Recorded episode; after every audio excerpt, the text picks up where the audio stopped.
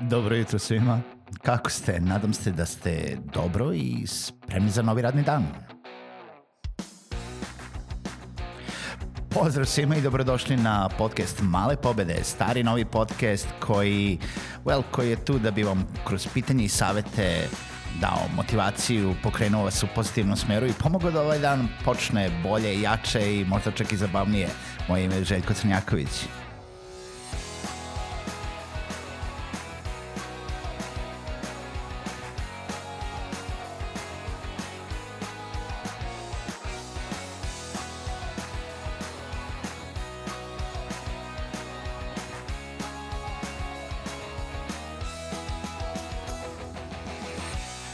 Pozdrav svima, dobro jutro i dobrodošli u novu epizodu podcasta Male pobede. Sa vama jutros uh, ponovo u 250 i kusur kojoj epizodi pričamo o online poslovanju, o savjetima za biznis, o tome kako da vaše preduzetništvo bude lakše. Moje ime je Željko Crnjaković, a vama želim da se zahvalim što ste i danas sa podcastom Male pobede.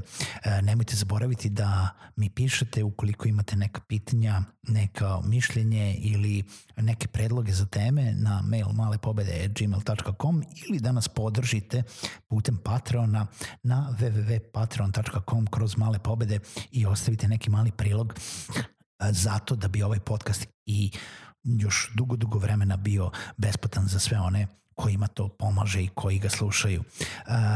U današnjoj epizodi Aha, želim da pričam o tome što sam i sam proživeo i, i da vas pitam da li imate odvojene e, sektore, na primer prodaje i produkcije, da li imate odvojene e, sektore u smislu odvojene zaduženja e, za ljude koji direktno rade sa klijentima e, i za one koji ugovaraju posao ili management i one koji rade sa klijentima direktno.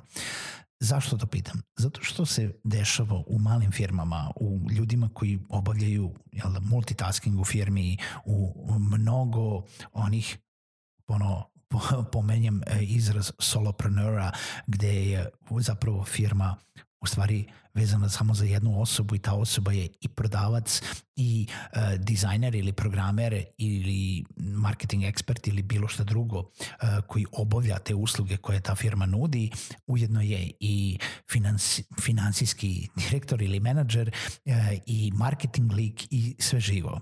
Misli na sto stvari odjednom. Uh, ali zapravo konkretno vezano za ugovaranje posla i izvršenje posla. Zašto je dobro iz, imati podeljene uloge? U stvari, zašto je dobro imati ne samo podeljene uloge, nego različite ljude na tim pozicijama. I sad, ukoliko ste jako mali, ukoliko vi to radite jel da, i jedno i drugo sami, znate koliko vam ponekad teško biva ili da vas ponekad nešto sprečava da ujedno nešto i prodate i izvršite za nekog klijenta. I zašto bi negde u budućnosti trebalo da razmišljate o tome da nabavite još jednu osobu koja će vam biti ona, ona vaša, vaša druga polovina i koja će, na primjer, jedan od vas će da prodaje, drugi će da izvršava te naloge. Zapravo da, zašto vam sve ovo pričam? Zato što u, u momentima kada radite to sve sami, vi zapravo imate blok.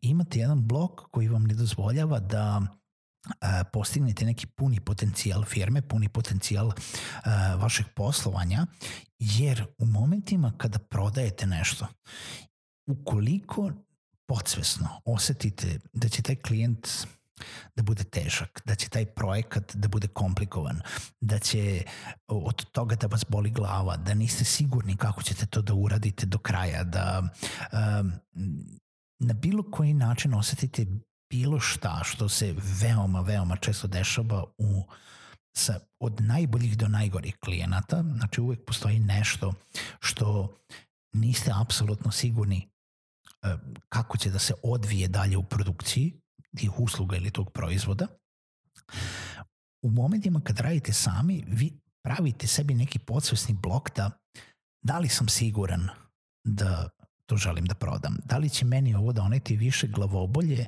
ili više problema nego što sam spreman da prihvatim.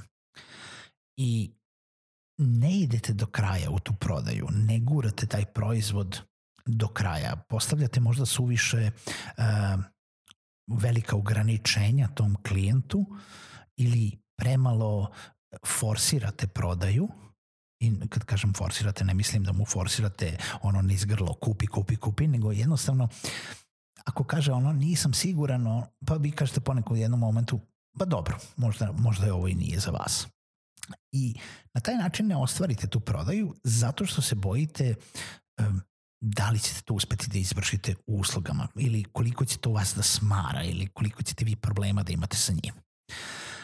Ukoliko su te uloge odvojene, a pričam vam iz iskustva zašto sam prošao to, vodio sam i prodaj i produkciju u jednoj firmi i onda sam u jednom momentu imao ovaj, nekoga drugoga da vodi produkciju, a ja sam samo prodavao.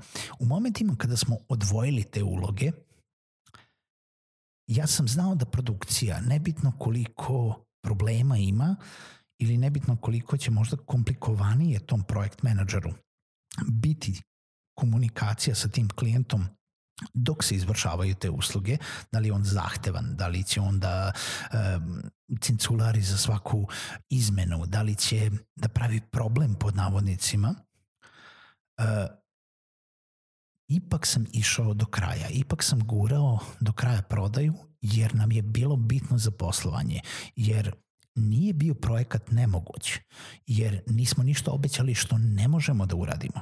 Jednostavno, bilo je malo više posla oko tog klijenta, bilo je malo više nerviranja, bilo je malo više um, podilaženja na neki način. Sve je to deo poslovanja i sve je to deo zaduženja jednog projekt menadžera koji posle vodi jer to može da se desi i bez toga da to osetite u prodaji. Ali može da se desi i da to osjećate. E sad, ukoliko, kažem, imate podeljene usl ovaj, te uloge, vi ne mislite toliko o tome jer neće biti pod navodnicima vaš problem posle u produkciji. Vaš problem je samo da prodate.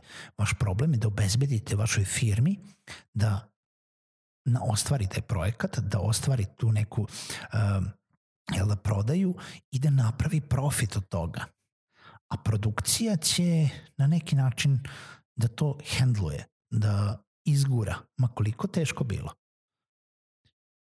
To se isto dešava i sa bilo kojim drugim zaduženjima kada imate menadžera i nekoga ko izvršava. Kada imate nekoga ko ugovara posao, partnerstvo.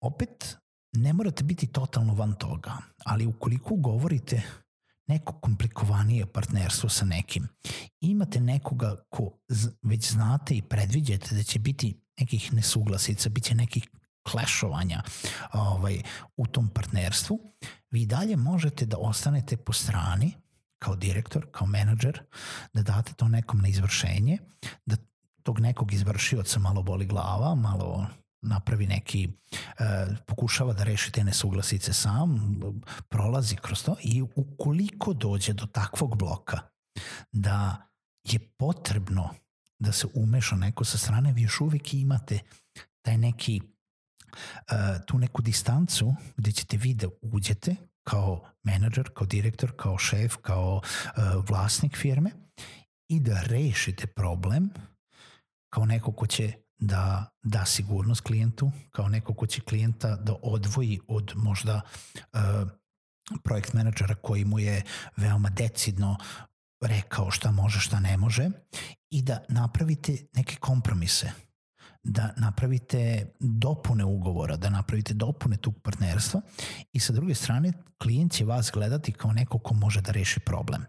Zapravo, a ne neko ko je samostalno u izvršenju i ukoliko dođe do tog nekog klešovanja nema kome drugom da se obrati, nema, ne osjeća da ima neku višu instancu koja će doći i umiriti ga da će sve biti u redu, pa čak i ako možda nije u pravu i imati sa nekim da postigne neki novi dogovor.